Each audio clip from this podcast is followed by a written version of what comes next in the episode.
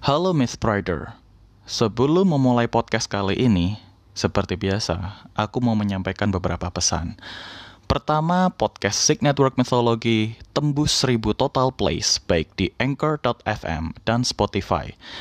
Terima kasih kepada para pendengar yang sudah meluangkan waktu untuk mendengarkan konten podcastku. Yang kedua, Ucapan terima kasih khusus kepada Mas Arnold Lukito yang sudah mendukungku di platform apresiasi kreator karya karsa. Apabila kalian juga ingin mendukungku, kalian bisa ke www.karyakarsa.com slash podcast mitologi, karena dukungan kalian akan membantuku untuk terus berkarya. Yang ketiga, ada segmen baru yang akan membahas aneka ragam dunia tarot, feng shui, horoskop, dan zodiak dalam sudut pandang sejarah bernama Arcana Cards. Terakhir, Season 2 podcast Sig Network Mythology akan berakhir di bulan Desember tahun 2019 ini. Terima kasih kepada para kontributor, co-host, dan juga para pendengar sekalian yang sudah mendukungku, membantuku menjadi tamu di podcastku dan mendengarkan konten podcast Sig Network Mythology selama season 2 ini. Untuk season 3 masih belum bisa kujadwalkan karena setelah season 2 Sig Network Mythology, aku akan fokus membuat cerita mistik mengkomentari horor di publishing podcast pertama Indonesia bernama podium.id. Tapi mungkin di sela-sela kesibukanku di podium.id, apabila ada bahasan mitologi yang menarik, aku akan tetap upload episode terbaru podcast Sig Network Mythology dalam judul besar episode spesial. Terima kasih dan selamat mendengarkan episode podcast Sig Network Mythology kali ini.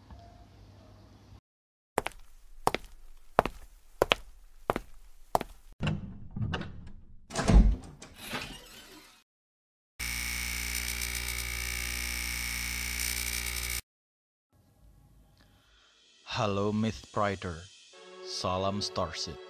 Namaku Sig Aegis. Selamat datang di semesta Sig Network Mythology.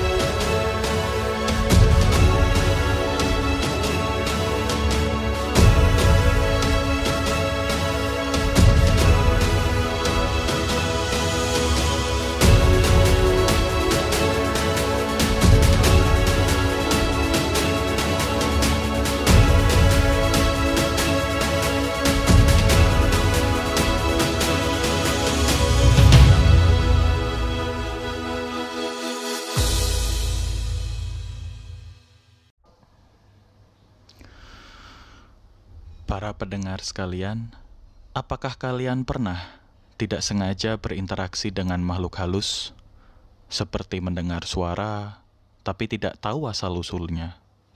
Ataukah kalian pernah ditindih, diikuti, dirasuki, bahkan bertemu makhluk halus?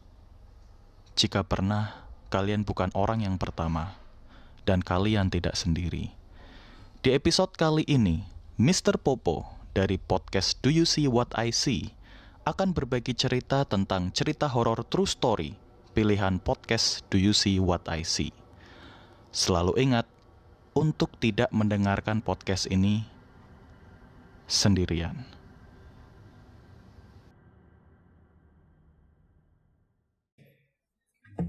Halo Miss Brider, salam Starseed, namaku Sik Aegis. Di kesempatan kali ini, aku sedang bertemu dengan salah satu podcaster kondang dengan tema horor. Siapa lagi kalau bukan podcaster Do You See What I See? Nah, silahkan dikenalkan Mas. Halo, nama saya Rizky. Teman-teman manggil saya Mr. Popo dari podcast Do You See What I See. Hari ini kebetulan banget nih bisa bertemu dengan Masik ya. Sick Aegis. Sick Aegis. Oh, iya.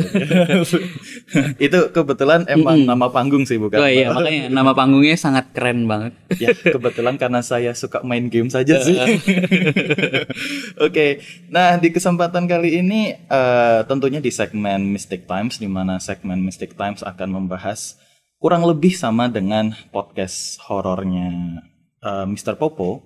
Ia akan eh, bercerita tentang pengalaman-pengalaman horor. Mungkin kalian Ya. sudah banyak yang tahu dengan cerita pengalaman horornya Mr. Popo di eh, YouTube-nya Raditya Dika. Cuma di sini saya akan bertanya langsung. Oke. Kan banyak banget nih eh, cerita-cerita yang disubmit dan dikurasi oleh Do You See What I See? Ting ya berarti ya. Iya. Nah, eh ada nggak beberapa mungkin bisa mungkin kalau bisa dibilang angka ya. Jadi kayak eh, lima cerita horor versi Do You See What I See? Atau 10 cerita horor versi Do You See What I See itu. Ada nggak listnya? Oh, ada Mas. Oke. Jadi eh Do You See What I See itu punya kalau dibilang punya genre ya atau kategori Mm-mm. kita sudah mengklasifikasi beberapa cerita berdasarkan spesies demit. Oh, oke oke. Berarti sudah sudah memiliki inilah kategori-kategori lah. Iya kan kayak yang paling terkenal tuh ya pocong, Oke. terus ada kuntilanak, Oke. terus ada seri-seri eh, penampakan yang tidak kelihatan, Oke. terus ada pesugihan, Oke. ada berhubungan dengan ya apa ya kayak ilmu hitam. Oke. Tapi memang eh, yang ditayangkan di Do You See What I See itu lebih ke cerita-cerita eh, apa namanya? Ya cerita-cerita pengalaman ya. Hmm, oke. Tapi eh, ada pagernya sih biasanya. Jadi kayak misalnya Hmm. eh, yang gentayangan itu tidak kita definisikan sebagai eh, orang yang sudah mati. Oh, oke. Jadi ya karena mungkin saya muslim dan eh, saya pengen membatasi konten yang ada di channel saya itu ya orang yang gentay eh, misalnya yang gentayangan itu kita definisikan sebagai jin Oke. bukan sebagai orang yang sudah mati tapi masih ada unfinished business gitu. No unfinished business. Oke. Nah kalau tadi dari cerita itu ada beberapa cerita sih mas Hmm. eh, yang memang jadi apa ya menarik ya secara premis. Secara premis menarik. Jadi kalau saya lebih senang dengerin cerita bukan dari seremnya atau jump scare-nya, Hmm. tapi dari kekuatan sebuah cerita itu sendiri. Oh, gimana tuh? Jadi eh, kadang cerita drama itu bisa jadi se- serem banget. Hmm. Ah, bukan yang kayak wah serem banget mukanya gitu. No iya, berarti bukan dari bukan dari rupa ya. Rupa, tapi ada dari sisi cerita ya. Oke. Ini ada beberapa list ya. Kalau Hmm. dari ini saya punya nih. Hmm, Oke oke ada beberapa cerita yang mungkin kalau teman-teman nanti dengerin Do You See What I See atau belum kenal Do You See What I See bisa langsung jump ke episode itu. Oke, nanti linknya saya kasih dah. Oh, oke. Oke. Jadi yang pertama maaf. Terus kemudian ada judulnya Sekar, Oke. ada Pamit, Suryani, eh, Penghuni Pabrik, Apartemen 2, Paranoid, Jejak Darah, eh, serial Ojek Online Ghost Stories, Kakak, Pewaris Terakhir, Perjalanan, Cicak, Pesolek di Kamar Kuning, Elevator, dan Siska. Itu list saya. Oke, banyak banget ya. Oh, Wow. kalau yang serial KKN mungkin bisa dengerin ada dua. KKN Louis Goong, Louis Goong tuh dari daerah Garut, Oh, daerah Garut. Oke. Eh, sama satu lagi KKN Malaysia. KKN versi Malaysia. Nah, dari judul-judul yang tadi nanti bisa diulang sedikit di di rewind sedikit kalau Oke, kelewatan. Oke, siap. Judul-judul tadi itu eh, buat saya punya kekuatan cerita yang buat saya sih gila ya. Oh, oke. Saya memang koleksi cerita dari banyak teman-teman semua kontribut dari teman-teman kontributor. Hmm. Tapi cerita yang saya sebutin tadi itu menurut saya extraordinary. Extraordinary ya. Oke. Nah, ini uh, poin extraordinary-nya ini boleh nggak diceritain salah satu aja dari Oke. kita? Saya pilih cerita yang judulnya Tunggu. Pewaris terakhir. Oh, Aris terakhir. Oh, dari judulnya aja udah kayaknya deep banget sih ya. Eh sebenarnya eh, yang ngasih judul saya sih. Oh, Jadi semua oke, oke. semua judul-judul ini kebanyakan yang ngasih judul saya. Oh, I see, I see. Eh, kontributor bercerita biasa, tapi saya memilih judul supaya relate sama ceritanya dan punya kekuatan juga. Judul jadi harus punya kekuatan. cerita. Betul sekali. Jadi eh, saya ceritain dikit Oke, yang si pewaris terakhir ini diceritakan oleh seorang perempuan anonimus.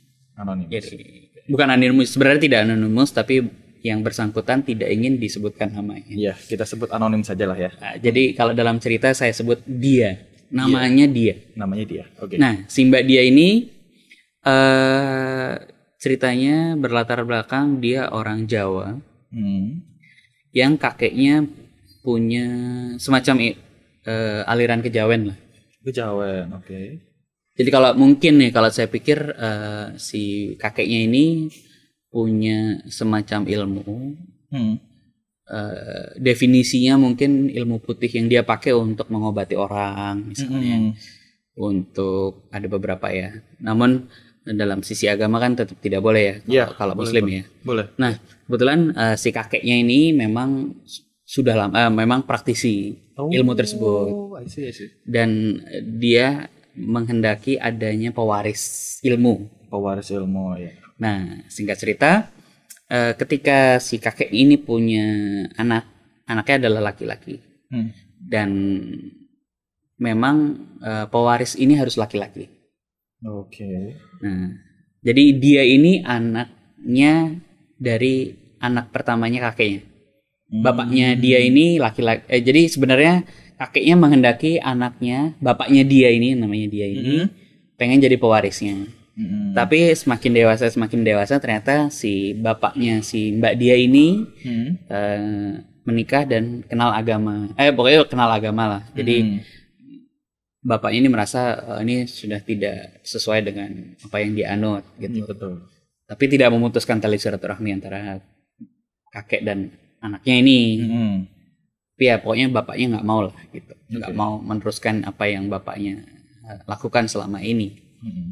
Eh, buat kakeknya itu bukan sebuah masalah karena eh, dia merasa pasti nanti ada cucunya kok santai aja jadi Oke. Gitu, jadi- jadi tidak memaksakan ini ilmu harus turun ke anaknya langsung gitu ya Hmm. dia merasa eh, masih ada cucunya Hmm. ketika lahir ternyata cucunya perempuan that's the problem Oh. Terus kayak tapi si tiba-tiba si kakek ini merasa punya wangsit bilangnya gitu Oh, wangsit ya. wangsit bahwa pokoknya yang jadi pewaris ini ya si mbak dia ini perempuan ini gitu. Hmm. tapi ya karena bapak ibunya bapak ibunya dia merasa fine fine aja Hmm. artinya eh, wah anakku cewek kok nggak mungkin menurunkan mewarisi ilmu ilmu ilmunya mbak kakeknya ini Hmm. jadi eh, akhirnya karena kesibukan bekerja akhirnya si mbak dia ini dititipkanlah ke dirawat sama kakeknya Oh. Jadi dari kecil memang sudah dirawat sama kakeknya karena kedua orang tuanya sibuk juga gitu. ya. Oh, gitu. Dengan eh, tidak ada pikiran macam-macam karena merasa anaknya juga perempuan Hmm. dan gitulah. Dalam perjalanan ceritanya eh, Mbak dia ini sering bersentuhan dengan praktek-praktek yang dilakukan oleh kakeknya. Jadi ketika kakeknya mengobati orang, Hmm. eh, beberapa cerita dalam di dalamnya itu si Mbak dia ini ketika kakeknya mengobati eh, muncullah sosok-sosok yang menakutkan lah gitu. Jadi mengobati bukan secara medis tapi secara paranormal gitu ya. Hmm. Bisa disebut aja gitu ya. Oke. Karena dari kecil sudah bersentuhan dengan hal-hal yang gaib, Hmm. akhirnya si Mbak dia ini tumbuh dengan tidak bisa membedakan mana yang gaib, mana yang real. Oh. Jadi kayak mungkin dia ngelihat makhluk itu kayak ngelihat kucing atau ngelihat orang, even kayak ngelihat orang gitu. Jadi dia sendiri tidak bisa membedakan mana yang real dan mana yang gaib. Oh, oke. Kehidupannya begitu. Oke. Nah, eh buat dia itu bukan masalah karena ya biasa aja dia maksudnya tidak takut ya, bukan bukan sebuah ketakutan wah gimana gitu bukan. Hmm. Nah, sampai permasalahan kemudian timbul ketika dia beranjak dewasa. Nah, Oke. yang dalam dewasa dia menemukan eh, dia mempunyai hubungan dengan teman-temannya kan kayak relationship, Iya betul. pacaran apa segala macam. Mm-mm. Nah, problemnya pertama itu kayak si Mbak Dia ini ketika punya pacar, ketika punya pacar, pacarnya tiba-tiba menjauh hilang gitu. Bukan hilang vanish gitu bukan, Oh, tapi iya, oke. pokoknya menjauh lah gitu. Nggak kayak jentikan Thanos lah pokoknya. Nah ceritanya gitu sampai akhirnya eh, terakhir dia bingung kok laki-laki yang dekat sama aku tuh selalu menjauhi gitu loh. Hmm. Sampai akhirnya pacar terakhir dia waktu SMA. Hmm. Jadi dia bertemu eh, dia ketika waktu itu mau kencan gitu ya ceritanya. Hmm. Nah kencan itu dia dideketin lah sama laki-laki udah mau dijemput ke rumah laki-lakinya sudah datang ke depan rumah dan si mbak dianya ini udah keluar rumah gitu. Jadi udah saling tatap-tatapan udah menuju ke dia Hmm. tiba-tiba si pacarnya kabur gitu aja tancap gas kayak weng lah dia kaget nih kenapa sih gitu nah Oh. Yang dia tahu pertama adalah ya ketika ini jadi ketika itu si pacarnya nelfon dan takut sam- menceritakan bahwa ketika si mbak dia ini keluar ada dikelilingi oleh makhluk-makhluk yang mengerikan lah gitu Nah, awalnya itu dan dia mulai curiga nih sama mungkin kakeknya atau gimana atau gimana. Hmm. Sampai akhirnya eh, si Mbak dia ini merasa awkward juga ya kok begini, kok setiap kali dia punya pacar menjauh. Hmm. Terus sampai akhirnya dia juga merasa eh, aneh juga kok sampai ada beberapa temen ceweknya menyatakan suka sama dia. Oh. Jadi kayak ada apa sih sebenarnya? Nah, semakin ke sini eh, dia tumbuh sebagai wanita yang biasa, wanita normal ya dia. Hmm. Dia mohon maaf kayak period, menstruasi, Hmm. eh, tumbuh payudara dan sebagainya. Tapi eh, semakin dewasa kok tiba-tiba muncul ke sisi kelaki-lakian. Oh. Jadi berkumis, tumbuh kumis, tumbuh bulu-bulu yang harusnya laki-laki yang punya. Hmm. Terus dadanya mulai rata, Hmm. suaranya membesar Hmm. Dan singkat cerita lama-lama dia seperti laki-laki. Oh. Eh, ya udah, terus gitu. Jadi kayak akhirnya dia takut ada apa nih dengan dengan saya. Akhirnya bapak ibunya Hmm. eh, eh, kon- ceklah ke rumah sakit. Apakah ada kelainan hormon? Ternyata dicek ke rumah sakit tidak ada masalah. Sampai akhirnya dia dibawa ke ke rumah sakit di luar negeri. Ternyata tidak ada apa-apa juga. Jadi secara medis tidak ada yang salah dengan tubuhnya, Hmm. tapi secara fisik berubah.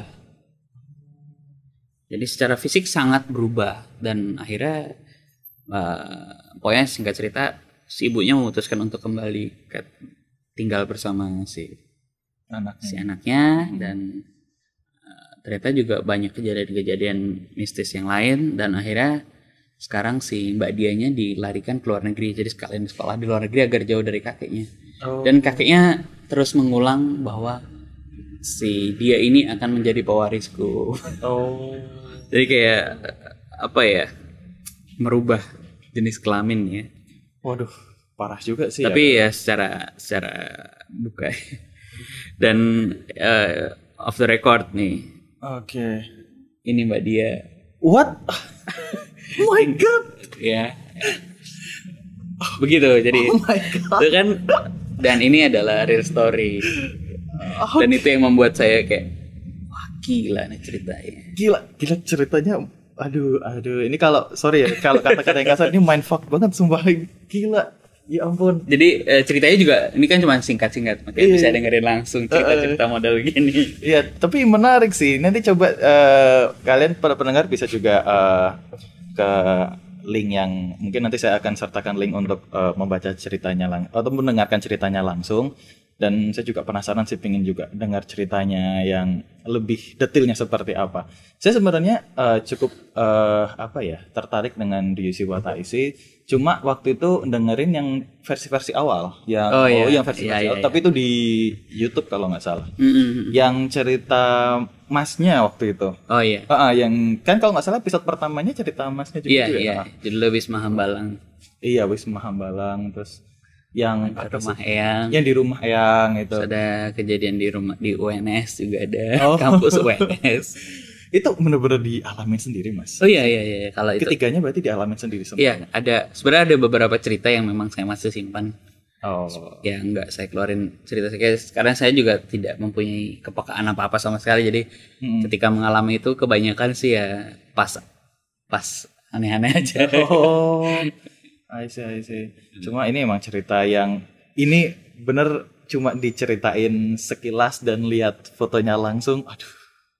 Ya, kayak gila ya, ngerasa Mas, ya. Gila, gila Ya banget. kemarin sih ngobrol sama sama beliau ya. Jadi saya nanya, mohon maaf eh, Mbak, tapi maksudnya masih mendefinisikan diri Mbak sebagai perempuan kan? Saya bilang gitu. Ah. Dia bilang, iya Mas, saya juga maunya jadi perempuan. Oh. Terus eh, saya nggak denial, maksudnya ini bukan masalah transgender atau eh, sesuatu yang dan dia masih pengen menyukai laki-laki dan sebagainya. Hmm.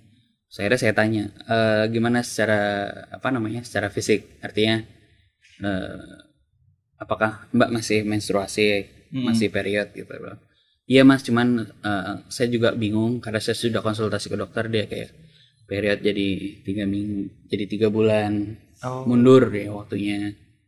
Terus saya nanya, "Ke- kenapa berpakaian sepakai seperti laki-laki misalnya gitu ya? Mhm. Ya, ya mungkin ya karena awkward juga ya karena Hmm. secara fisik jadi kayak laki-laki malah jadi kayak mungkin kalau pakai baju perempuan jadi agak salah juga. Iya sih. jadi, jadi emang serba salah. Jadi saya bilang ya udah, ya. saya minta saya minta yang bersangkutan kebetulan juga muslim kan. Mhm. Ya kembalikan saja sama ya Allah terus uh, pela- mulai pelajari agama Mhm. supaya dibentengi sama hal-hal yang mungkin sihir ya bisa Iya, dikatakan sihir. Minta perlindungan langsung gitu. Iya banget. Ya itu cerita-cerita yang kayak gitu ya karena eh, kontributor kan bukan hanya buat saya kontributor udah jadi kayak temen ya. Jadi Iya. kontributor di Dui Siwatasi udah banyak banget Mhm. dan kita masing-masing saling ngobrol. Mhm. Jadi eh, kalau ada kejadian-kejadian gini yang benar-benar kadang-kadang ya mungkin mungkin kayak film apa ya Hereditary atau Ya, ya, bisa benar kayak, gitu eh, saya baru ngeh juga itu saya bilang, oh ini Hereditary-nya Indonesia nih Iya. wah bisa jadi Terus kayak tapi Oh. wah ternyata ya gila juga sih di Indonesia ada cerita-cerita seperti ini ya, gitu. gini. dan itu real maksudnya. itu real gitu kayak cerita-cerita yang pernah sih waktu itu kan eh maksudnya penasaran juga dengan cerita-cerita horor-horor yang ramai di Twitter tuh waktu Hmm, itu itu hmm. yang apa KKN Desa Penari gitu lain dan lain sebagainya gitu. Hmm, ternyata dia eh, penulisnya juga ternyata eh, banyak sekali menuliskan hal-hal yang eh, cerita-cerita horor yang lainnya juga. Cuma yang menjadi concern saya adalah pada saat itu ilmu hitamnya justru. Ini kan ternyata masih kental banget ya di kita. Padahal kalau Oh, misa- hmm. kalau misalkan kita lihat perkembangan uh, teknologi zaman sekarang udah ada smartphone atau apa hal-hal semacam itu tuh harusnya sudah uh, it's so old it, it's, itu udah it's Oh so layer mas. gitu. Jadi kebetulan kemarin teman saya ada dia bekerja sebagai uh, digital apa ya dari lembaga LSM yang cukup uh, internasional malah. oke oke Nah uh, dia melakukan survei dan studi mengenai komparasi antara ilmu hitam dan ilmu putih. oh Dan itu uh, mendalam sekali. saya diceritain kayak wah geleng-geleng banget ya. Wah gila ya di Indonesia masih kental masih kayak gitu. ada kayak gitu ya Ya karena memang kebanyakan sih dari pedalaman mas di di di tempat-tempat Pedalaman. yang masih masih pedalaman ya. Mm-mm. Mungkin belum tersentuh sisi eh, religius dari agama-agama yang ada. Mm-mm. Jadi hal-hal yang kayak gitu mungkin masih dianggap sebuah praktek yang ya kayak misalnya ilmu putih dipakai untuk berobat Mm-mm. dan juga segala mungkin macam ya. Mungkin juga kayak ini sebuah warisan ya. Mungkin warisan Iya, budaya cultural juga ya. Ah, jadi kayak mesti dilestarikan gitu. Kayak ceritanya Mbak Dia tadi ternyata emang ini harus diwariskan gitu Mm-mm, jadi masih punya kepercayaan seperti itu. iya. Dan eh, memang eh, saya juga sempat eh, ya kurang lebih sih. Maksudnya bercer apa bertemu dengan kontributor-kontributor untuk podcast kan. Dan eh, ada hal yang menarik adalah bahwa kadangkala yang namanya eh, mungkin ini bisa jadi saya salah ya Hmm. yang namanya eh setan atau apa itu sudah menjadi hal yang urban legend Mm-mm. Salah satu contohnya adalah ternyata ini saya nyebut daerah namanya Gorontalo. Itu Oke. eh di, di sini nasi kuning itu kan hal yang wajar kan. Misalkan kita di Buat Bandung- sarapan ya. Buat sarapan kan. di sana nggak boleh, Pak.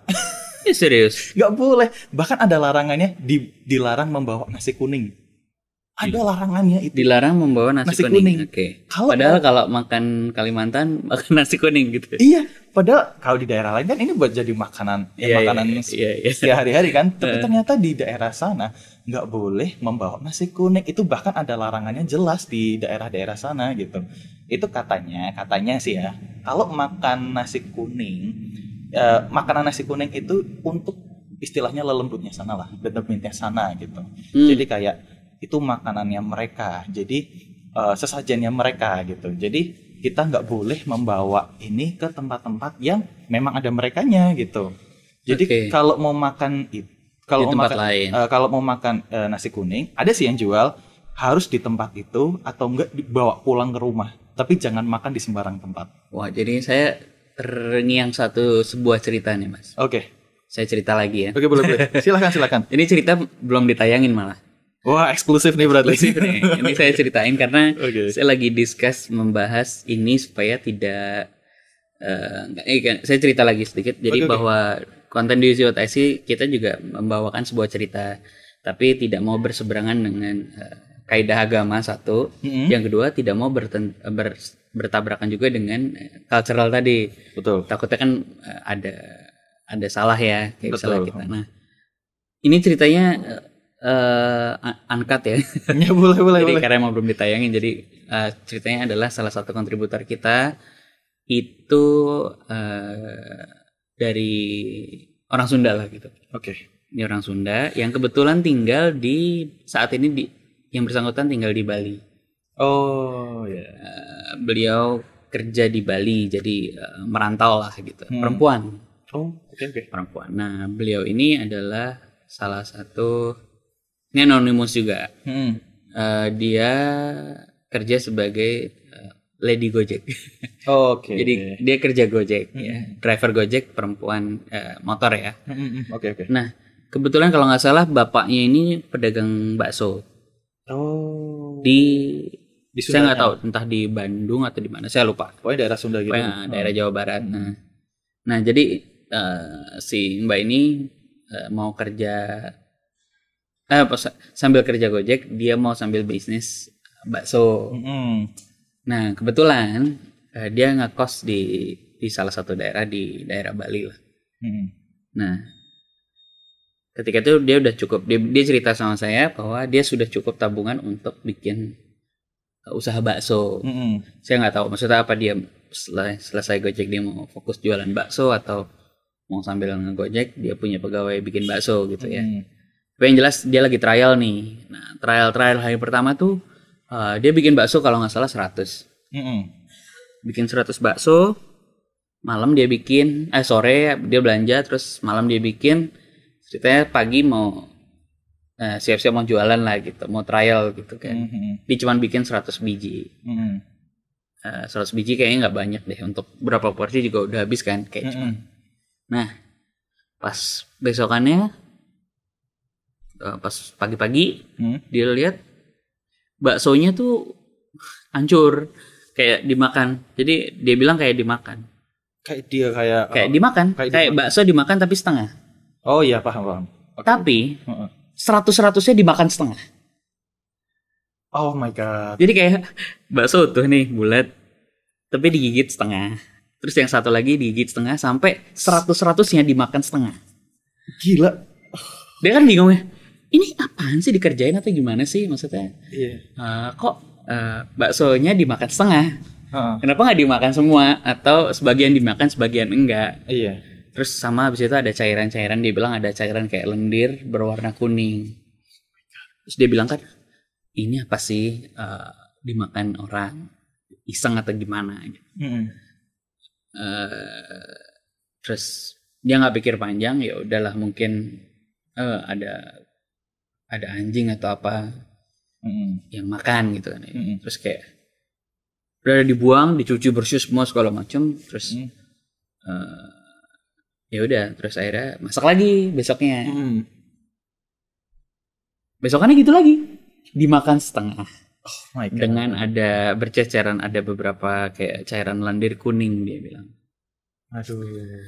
nah kan dia mulai apaan sih ini ini prank yang nggak lucu dia bilang gitu Iya benar-benar. kalau orang jahat ya nggak lucu banget ini Nggak lucu benar.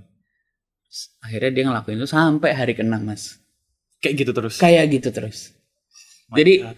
eh, kalau rusak semua dia wajar kalau hilang dia wajar Hmm. tapi ini satu persatu bakso dimakan setengah semuanya setengah. setengah Dan itu sama terus sampai iya hari. sampai hari keenam Gila. terus akhirnya dia eh komplain lah sama ibu kos ceritanya Mm-mm.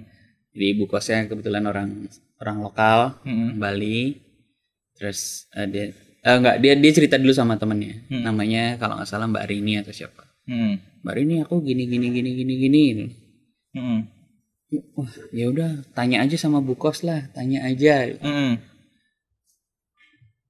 terus akhirnya dia memberanikan diri untuk ngobrol sama bu kos Mm. bu gini gini terus dia bilang ternyata bu kosnya eh, pendapatnya agak sedikit eh, nyeleneh nih Oke. nah itu dia makanya waktu awal saya tuh nggak menghendaki ada bukan orang eh, orang Bali yang tinggal di kosan saya dia bilang gitu Oh. kenapa Hah? iya kan kamarmu sebelah pura dia bilang gitu Oh.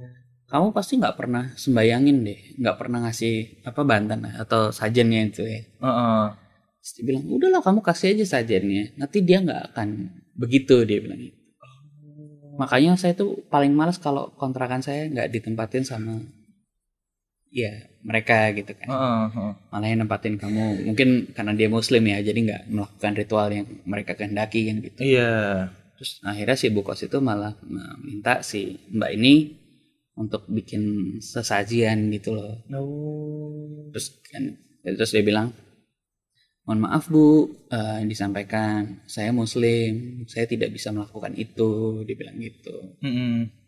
Ya udah ya tanpa bermaksud untuk eh, menyindir atau apa membantah si ibu kos ya maksudnya Mm-mm. emang dia bilang Iya. mohon maaf bu saya nggak bisa Mm-mm. Tapi ya udah maksudnya eh, dalam ya udah pokoknya ya bisa jadi karena itu si ibu Mm-mm. kosnya malah bilang gitu Oh. terus kan bingung kan Heeh. akhirnya teleponan lah si si mbak ini sama kebetulan lagi telepon sama saudaranya video call Mm-mm. Ini video callan itu di depan kamar jadi kalau nggak salah emang dapurnya sama kamarnya terpisah deh Mm-mm. jadi eh, baru tuh lagi video call tiba-tiba eh, sambil masak atau gimana lagi habis masak habis masak bakso lagi dia ini hari ketujuh nih dia bilang Mm-mm. hari ketujuh dia penasaran Oh, Oke. bikin lagi Mm-mm. tapi sambil ditemenin sama saudaranya dia bilang gitu Mm-mm. sambil video call terus tiba-tiba kaget si apa namanya si yang saudaranya yang lagi teleponan ini Mm-mm. kaget kok di ujung sana maksudnya dia ngeliat video call ada ada perempuan sudah tua pakai baju adat gitu ya dia bilang. Tapi mukanya agak serem dia bilang gitu. Mm-mm. nggak ada. Yang lihat sih cuman si saudaranya yang pakai video call di sana. Oh. terus akhirnya di video di, di yang mana? Itu. Terus dia nggak bisa lihat si mbak ini nggak bisa lihat. Mm-mm. terus itu itu. Terus benar. Diarahin lah sama dia itu jalan ke sana. Jalan ke mana ke dapur. Hmm. diarahin videonya. Oh. ternyata benar. Si ibu yang ya makhluk itu yang nggak bisa dia lihat Hmm. makan baksonya Oh. ya dia bilang wah dia takut kan Ah, ya udah terus kayak terus akhirnya dia bilang lagi sama Mm-mm.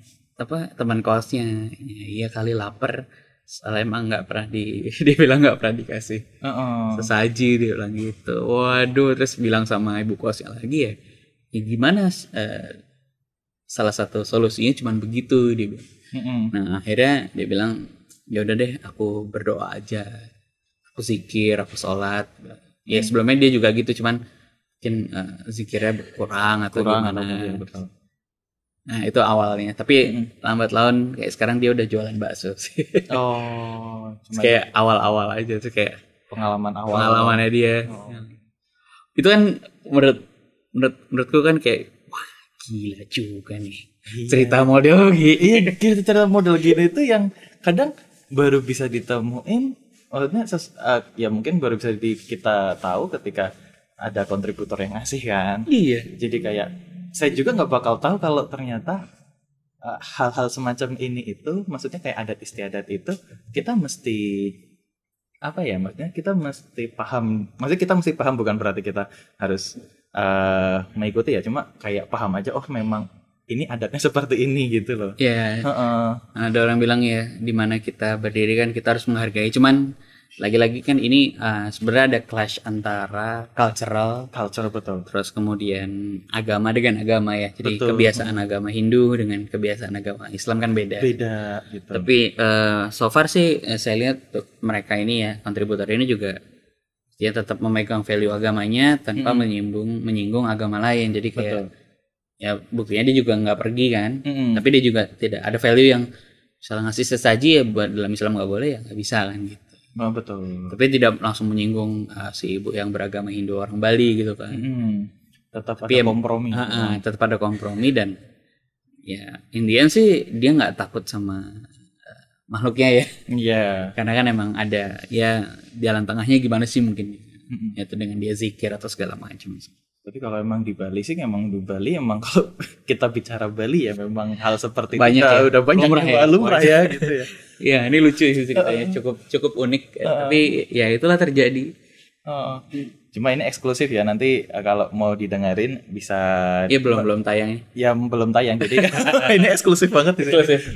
jadi eh, mungkin nanti kita tunggu eh, cerita aslinya seperti apa jadi biar lebih ngefeel lah istilahnya Iya, ngefeel betul, di Betul podcast eh, horor. Nah eh, mungkin saya juga kapan-kapan pengen kirim sih. Wah, senang banget. saya ada ada ada satu cerita kayaknya cuma satu sih kayaknya cuma satu aja sih cuma masih bingung nih eh, klasifikasi dari Do You See What I See sendiri ada nggak kalau yang mimpi gitu kayak kayak sleep paralysis terus ketemu setan gitu Sebenarnya eh, ini mohon maaf sebelumnya ya. Jadi kebetulan cerita mimpi itu banyak, tapi kita tidak bisa posting sebenarnya. oh gitu Karena ya dalam agama juga tidak boleh mendefinisikan mimpi. kan sebenarnya.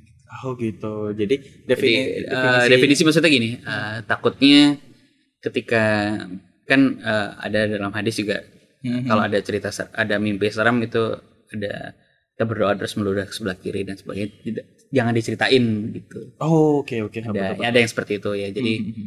eh, sebenarnya banyak kalau cerita mimpi banyak juga kayak ada juga ini saya ceritain dikit ya misalnya Mhm. eh, beberapa kali mimpi yang berulang terus Mhm. ada apa namanya dia mimpi tapi kayak dikasih petunjuk mungkin ya nggak boleh yang kayak gitu kan karena merasa mimpi itu nanti akhirnya ada definisinya dan jadi wangsit jadi petunjuk arahan padahal ya. itu bukan dari bisa jadi bukan dari mimpi yang dari Allah tapi mimpi dari setan kan itu bisa Mhm. jadi kayak sifatnya persuasi gitu ya Eh, eh, jadi kayak eh, ketika mimpi ini diceritakan dan jadi kenyataan jadi orang orang akhirnya menganggap mimpi itu sebagai petunjuk gitu Iya. Nah, itu yang mungkin menurut saya saya saya awam jadi kayak Mhm. bisa jadi dilarang karena takutnya orang dengan mudahnya akan mendefinisikan mimpi kayak misalnya mimpi ini artinya begini padahal Mhm. ya who knows mimpi ya hanya mimpi kan gitu. Mhm, betul bisa jadi mimpi itu rezeki karena kalau maksudnya mimpi baik ya Mhm. tapi kalau mimpi buruk kan bisa jadi itu datangnya dari setan gitu oh gitu oke oke. jadi secara agama memang eh, dalam diri suatasi untuk mimpi memang restricted gitu. restricted ya. Oke, oke. Menarik sekali. Nah, eh, oke.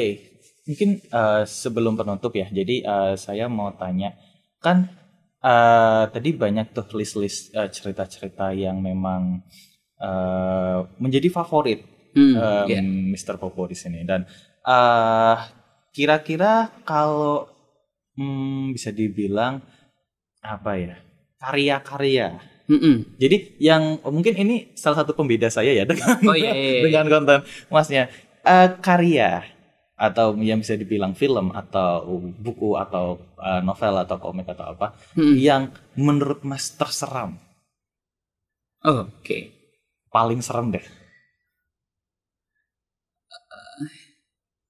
ada nggak Jadi gini, eh, kebetulan kebetulan, Oke. kebetulan saya penggemar film horor sih. Ah, Oke, jadi ini pas banget lah ya. Banyak lah referensinya. eh yang paling sampai sekarang bikin saya takut itu Pocong 2. Oh, justru malah film Indonesia. Film ya? Indonesia lokal. Karena ya nggak tahu ya, karena mungkin kalau nonton film barat itu somehow nggak relate.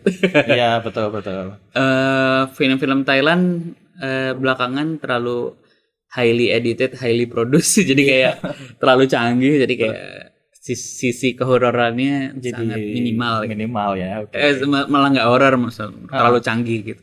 Tapi kalau menurut saya film Pocong 2 tuh kalau nggak salah filmnya Mas Rudi Sudjarwo ya. Oh iya kalau nggak salah. Betul. Dan dia syuting raw banget dia eh, pakai tangan, jadi kameranya banyak gerak. jadi kayak Enggak, bu, tapi bukan film dokumenter. Oh, bukan film film. biasa. Um, Terus settingannya itu alami sekali. Jadi ini kisahnya tentang si kalau nggak salah si Revalina sama Ringo waktu itu. ya Ringo aku sama.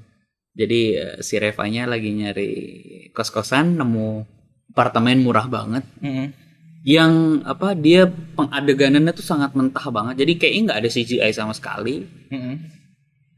Dan itu gila banget seremnya. Dan dan saya nonton itu kebetulan banget. Saya dari dulu pengen nonton itu sampai akhirnya film itu udah mau selesai. Mm-mm. Akhirnya saya nonton film itu hanya berlima di dalam studio. Ah, belum. Wah, anjir. Jadi dua orang pacaran di depan, saya sendiri di belakang. Waduh, waduh.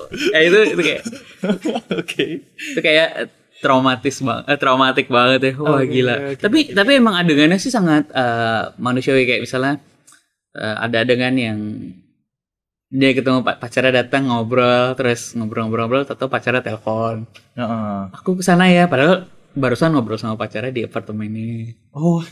Terus yang adegan adiknya eh, lagi ngelonin guling tiba-tiba gulingnya itu dipocong. Oh, itu yang Wah, itu kayak bener itu adegan paling uh, sampai sekarang serem sih. dia turun dia lari turun dari apartemennya udah lantai berapa kalau nggak salah lantai 5 lari ke bawah lantai 5 lagi lantai bawah lantai 5 lagi itu kayak dia cuma muter-muter doang. Time loops. Gila Dia gitu. kayak waduh itu itu sebenarnya film yang nggak pakai budgetnya mungkin sangat murah tapi deliverynya sangat luar biasa keren. Dan itu memang menjadi mimpi burukku waktu itu nggak mau meluk guling loh bener. Oh, iya, bener, bener, bener.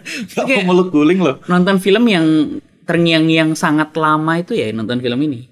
Iya sih. Kalau. Conjuring lah apa aduh apa Annabelle waduh Aduh, kayaknya gimana ya? gimana gitu ya. Tapi menurut, nah ini saya saya mau tanya nih beneran nih karena sebagai penggemar film horor ya. Hmm. Eh, kira-kira film horor zaman sekarang nih yang bedanya film horor zaman sekarang dengan komparasinya dengan film horor zaman dulu itu menurut Mas ma- bagian mananya gitu?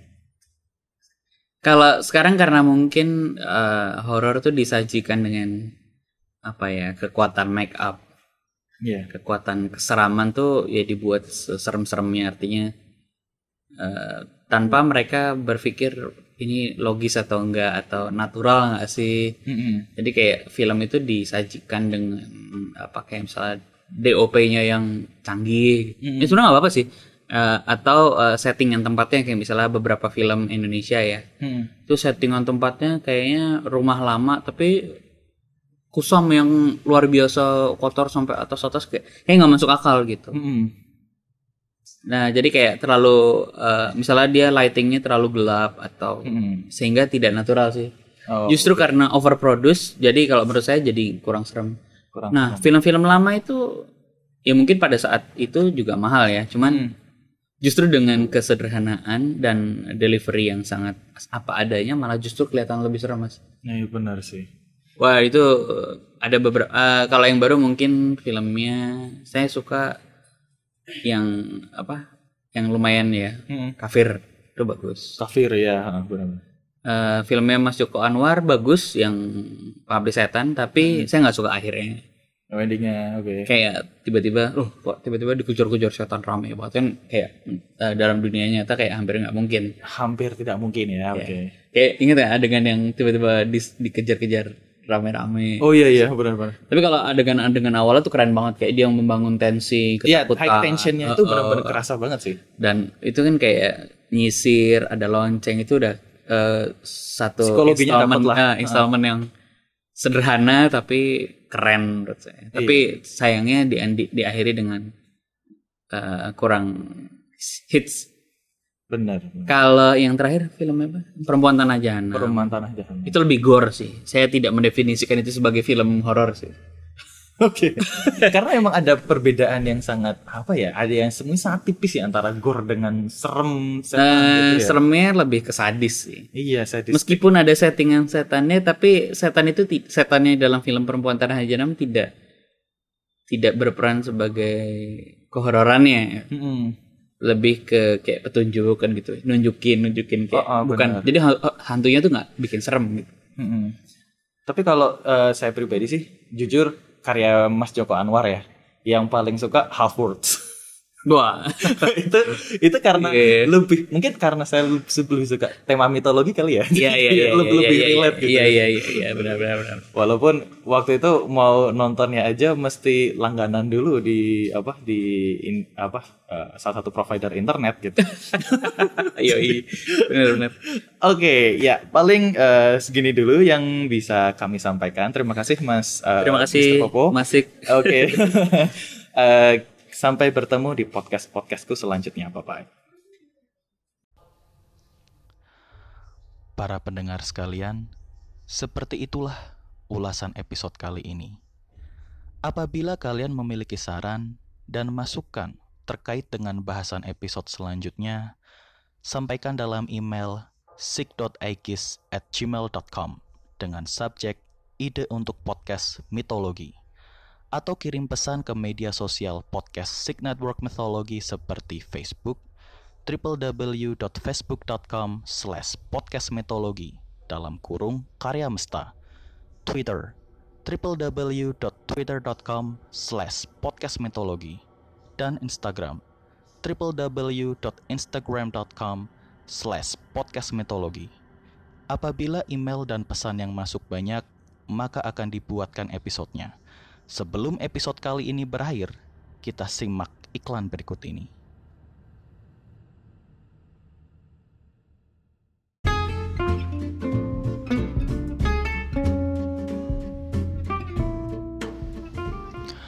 Berikut adalah sampel iklan podcast Sig Network Mythology yang ditawarkan apabila perusahaan atau brand baik barang maupun jasa tertarik untuk beriklan di podcast Sig Network Mythology. Info lebih lanjut bisa email ke sig.aikis@gmail.com. Perusahaan atau brand yang beriklan di podcast Sig Network Mythology akan dibuatkan iklan seperti berikut.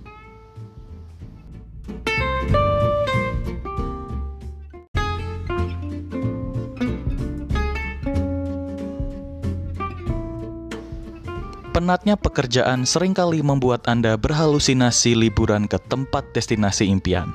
Tapi di Argonaut Travel and Express, semua halusinasi kalian akan menjadi kenyataan. Liburan ke Jepang menjelajahi situs mitologi seperti ke Gua Takachiho atau kuil Asakusa? Liburan ke Yunani menjelajahi situs mitologi seperti ke kuil Athena Parthenon atau kuil Zeus?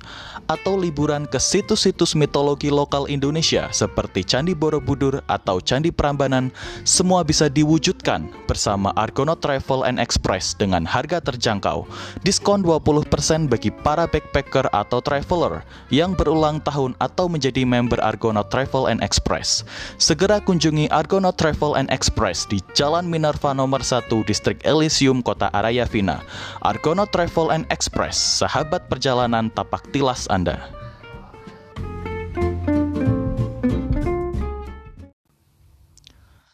Jangan lupa untuk selalu mendengarkan podcast Sig Network Mythology setiap hari Sabtu di aplikasi Anchor.fm, www.anchor.fm slash podcast mitologi, atau di aplikasi Spotify tinggal cari dengan kata kunci Sig Network Mythology. Follow juga akun media sosial Sig Network Mythology seperti Facebook, www.facebook.com slash dalam kurung karya mesta, Twitter, www.twitter.com slash dan Instagram www.instagram.com slash Jangan lupa untuk mendukungku di platform apresiasi kreator bernama Karya Karsa di www.karyakarsa.com slash podcastmitologi Dukungan teman-teman pecinta mitologi sekalian akan membantuku untuk terus berkarya. Apabila kalian memiliki ide ataupun saran untuk episode podcast Sig Network Mythology, email saja ke sig.aikis@gmail.com dengan subjek ide untuk podcast mitologi. Ide terbaik akan dijadikan bahasan di episode selanjutnya. Terima kasih kepada para kontributor yang sudah memberikan masukan untuk episode kali ini. Terima kasih juga kepada kalian semua yang sudah mendengarkan podcast Sig Network Mythology. Sampai jumpa di semesta Sig Network Mythology selanjutnya. Aku, Sig Aikis pamit undur diri. Salam Starseed.